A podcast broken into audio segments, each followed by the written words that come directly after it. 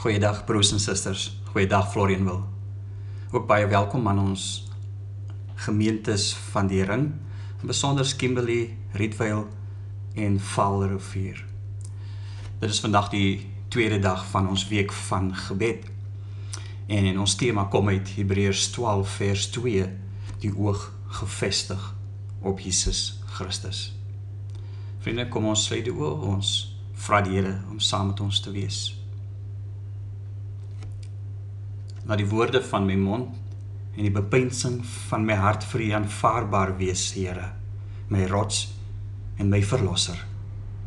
Amen. Ons het ons teksgedeelte kom uit Hebreërs hoofstuk 4 van vers 14. Jesus die groot hoëpriester. Terwyl ons dan nou 'n groot hoëpriester het wat reeds deur die hemel gegaan het, Jesus, die seun van God. Laat ons vashou aan die geloof wat ons bely. Die hoëpriester wat ons het, is nie een wat geen medelee met ons swakhede kan hê nie. Hy was immers in elke opsig net soos ons aan versoeking onderwerp, maar hy het nie gesondig nie. Kom ons gaan dan met vrymoedigheid na die genade troon, sodat ons barmhartigheid en genade ontvang en so op die regte tyd gered kan word. Dit is ons teksgedeelte vir vandag. Broers en susters, die boek Hebreërs is nie 'n maklike boek nie. En die rede is hiervoor is is die temas wat die boek behandel. En van die begin af, as jy al probeer het om dit deur te lees, is daar hierdie ingewikkelde bespreking oor engele in hoofstuk daar daar volg later in in hoofstukke 3 die bespreking van Psalm 95. Van hoofstuk 4, 5 en en verder kom Melchisedek ter sprake, die hoë priesterskap. Hoofstuk 9 kom selfs die tabernakel ter ter sprake, Ou Testamentiese offers en so meer. Moeilike temas vir ons vandag as moderne mense eintlik.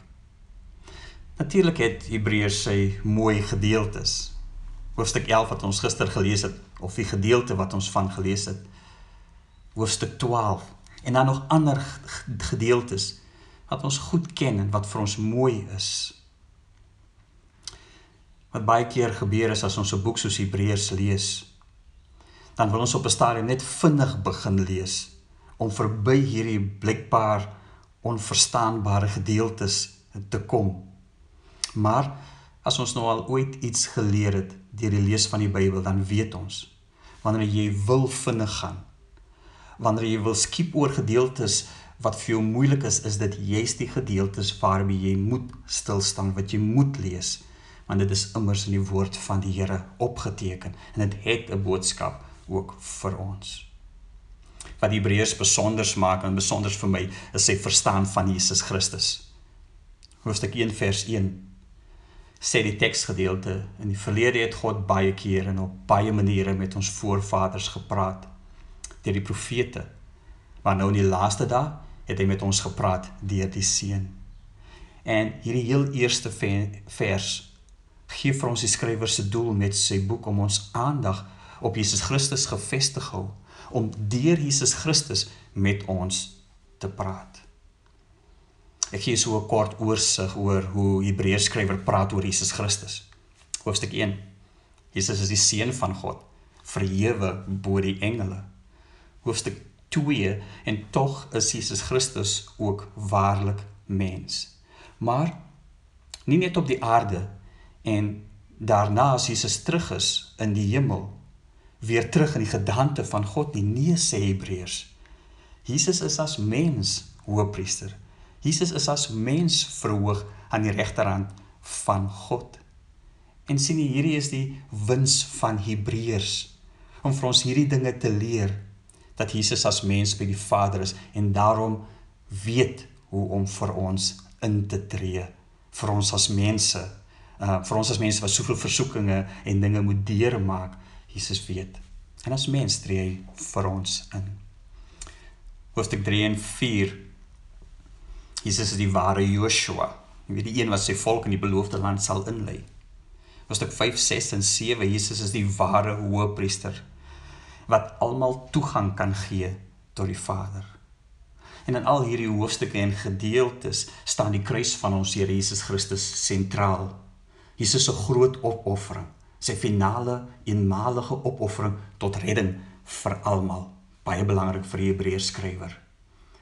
Eugene Peterson sê the sacrifice of Jesus is the moment when the human race in the person of a single man offers itself fully to the creator. En dis wat gebeur in die kruis van ons Here Jesus Christus. En daarom is die sonde en die verkeerdes daarmee afgereken vir almal van ons. En daarom kan ons met vrymoedigheid na God gaan. En die uitwissing van ons sonde en die sekerheid van ons verlossing moet daarom moet daar by ons geen twyfel oor bestaan nie. Dit is sê Hebreërs skrywer vir ons wat Jesus vir ons doen. Sy hart van die evangelie. Dit is 'n indikatief van die geloof. Dit is wat God gee. Ons teks sê ons kan dus met vermoedigheid na die genade troon gaan. Ja, op grond wat ek nou net pas gesê het, maar ook in besonders van wat Hebreërs 4 vers 14 en 15 sê. Ons het een wat vir ons intree by God. Wat ons saak voor God stel en pleit daarvoor. Wat in alle opsigte net soos ons versoek was en daarom medelee met ons swakheid het en ons dus verstaan. Jesus Christus ken ons en het begrip vir ons in ons omstandighede.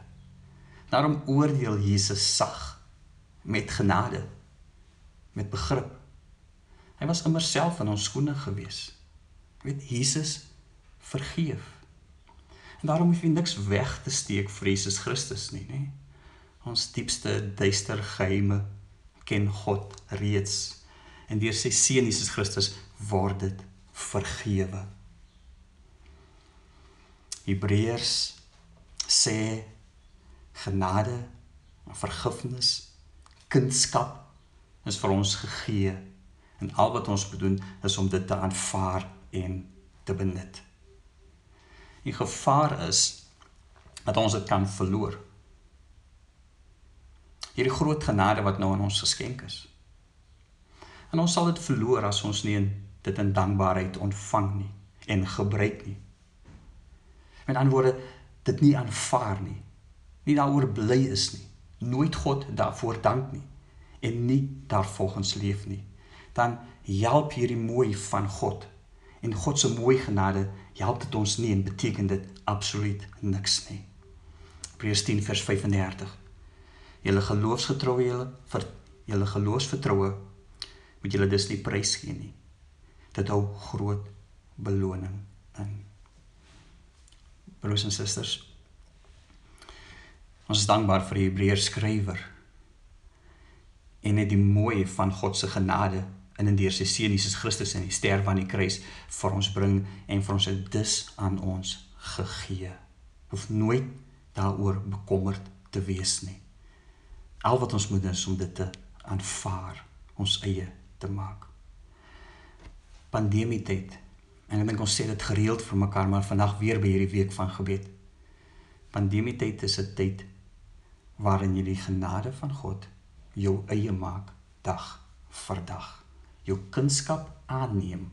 God daarvoor dank, dit uitleef voor mense, voor ander as getuie van die goedheid van God en dit wat God aan elkeen van ons gegee het. Mag dit waar wees van ons. Amen. Ek doen vir ons 'n gebed.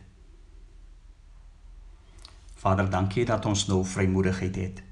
Dat dit aan ons gegee is, die reg gegee is om voor U te mag staan.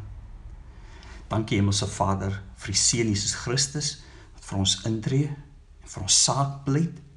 Dankie Vader dat daar genade is, dat daar redding is, dat daar vergifnis is en kunskap is by U sonder dat ons dit verdien. Here ons wil dit aanvaar in ons harte, Here, aanvaar. En dankie Here dat ons Here nou kan weet ons is en bly u kinders. Help ons in die lewe verder vorentoe. Ons lewe so onseker in hierdie pandemie tyd, Vader.